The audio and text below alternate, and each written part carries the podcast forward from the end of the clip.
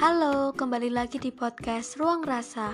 Seneng banget akhirnya bisa lebih rutin buat tag podcast dan lumayan ngobrol banyak nih sama teman-teman semua. Terima kasih banyak juga atas support, saran dan masukan yang membangun bagi podcast Ruang Rasa.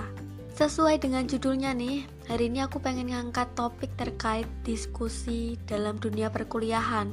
Sebenarnya aku angkat episode kali ini karena memang ada yang DM gitu. Tanya nih, oh ya, namanya anonim ya. Halo kak, jadi aku tuh galau banget nih kak. Galau sekaligus sebel. Aku termasuk anak yang paling aktif di kelas. Karena ya aku pikir apa salahnya Toh juga online. Setiap ada diskusi aku boom chat. Wih, ambis nih guys tapi lama kelamaan aku dapat omongan yang gak enak dari teman-temanku. Dibilang aku gak ngasih kesempatan sama yang lain. Jadi aku harus gimana dong kak? Hmm, Oke, okay, ceritanya cukup menarik ya teman-teman. Ini bukan cerita sih, tapi pertanyaan yang aku jadiin cerita. Gak jelas emang, tapi ya udahlah ya. Kalau dari sudut pandangku, diskusi itu penting. Selain kita bisa dapat tambahan nilai, kita juga dapat ilmu baru. Dan ilmu baru itu kita dapetin dari teman-teman kita. Karena bisa dikatakan sebagai diskusi kalau di dalamnya itu melibatkan lebih dari satu orang ya kalau penuh dengan satu orang aja namanya apa ya yang jelas diskusi itu penting banget sih di masa kuliahan Gimana kalau misalnya kita punya banyak pendapat dan sudut pandang dari topik diskusi yang sedang diangkat? Gak ada salahnya buat ngutarain atau menuliskannya. Dengan catatan, dari kita pribadi sudah memahami apa yang kita tulis. Gak jarang kan ya, ada yang nulis diskusi hanya copy paste dari internet.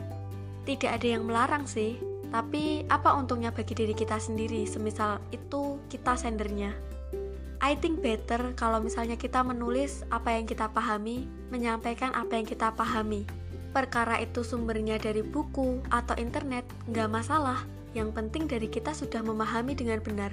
Jadi, euforia dari diskusi itu benar-benar kerasa perkara boom chat aku nggak tahu apakah memang motivasinya boom chat karena memang udah lama nungguin nggak ada yang nanggepi atau memancing tapi memberi kesempatan bagi yang lain untuk menyampaikan diskusi itu juga penting bisa aja kita dapetin informasi atau ilmu baru yang memang kita kelewatan gitu dan baru kita dapetin lewat membaca atau mendengarkan pendapat dari teman kita yang lain kalau ngisi diskusi hanya karena pengen dapat nilai lebih, ya itu tadi.